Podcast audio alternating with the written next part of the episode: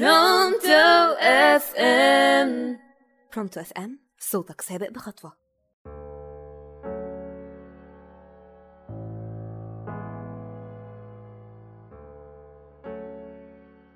مساء الفل عليكم معاكم أمان البراسمي في برنامج خمسة دردشة مع راديو Pronto FM النهارده هنتكلم عن موضوع ظريف قوي.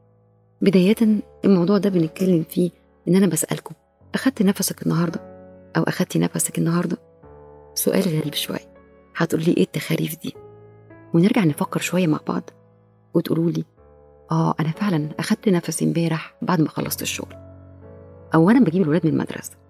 أو بعد ما خلصت كل يومي. ما هو أنا اللي عايزة أقوله لكم. ما هو إحنا لو ما خدناش نفسنا أكيد مش هنبقى موجودين هنا دلوقتي. تعالوا بقى أقول لكم على اللي فيها.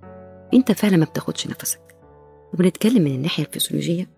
انت جسمك بيحتاج معدل نسبة أكسجين في الدم ما بين 100 ل 95% أقل من كده يبقى إحنا فعلا في مشكلة. هي أعضاء جسمك دي مش لازم تشتغل ولازم كمان تشتغل بكفاءة كويسة. الحل في الموضوع ده في إيدك أنت. ومش عايزين ندخل من الناحية الطبية. دي هنسيبها لناسها تعال نتكلم من الناحية النفسية. أنت برضو للأسف بخلان تاخد نفسك. خد بقى نفس كبير عشان تسمع الكلمتين دول. هتلاقي حتى قعدتك اتغيرت. ملامحك برضو اتغيرت. أكيد للأفضل عشان تستقبل أي حاجة بأريحية. كل واحد فينا لو أخد باله إحنا نفسنا قصير قوي. وبينتج عن ده تشتت في الأفكار ولخبطة في القرارات يا سيدي تعال على نفسك وخد نفسك. من اللي ربنا مديهولك؟ وما تأثرش في حق نفسك. هو أنت بخلان على نفسك؟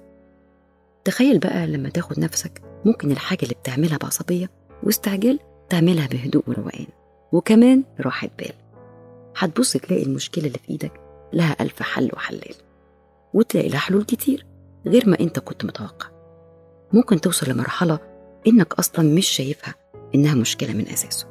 أنت كمان ممكن تطلع فيلسوف عصرك وأوانك وتدي في حكم ومواعظ. مشاكلنا كلها بتيجي بسبب خلقك الضيق راجع نفسك وخد نفسك علشان تعرف تسهل دنيتك وتعدي من أزمتك. ساعات كتير بنرجع للناس متخصصة لحل مشاكلنا.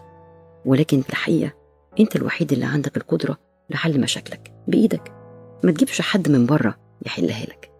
يا سيدي وفر وقتك وفلوسك. ولو أنت شايف إنك تعرف تحل مشاكل الناس فكر الأول في مشكلتك. وبرضه هرجع أقول لكم عشان خاطري خدوا نفسكم. كنت مع أماني البراسمي في خمسة دردشة على راديو برونتو أف إم.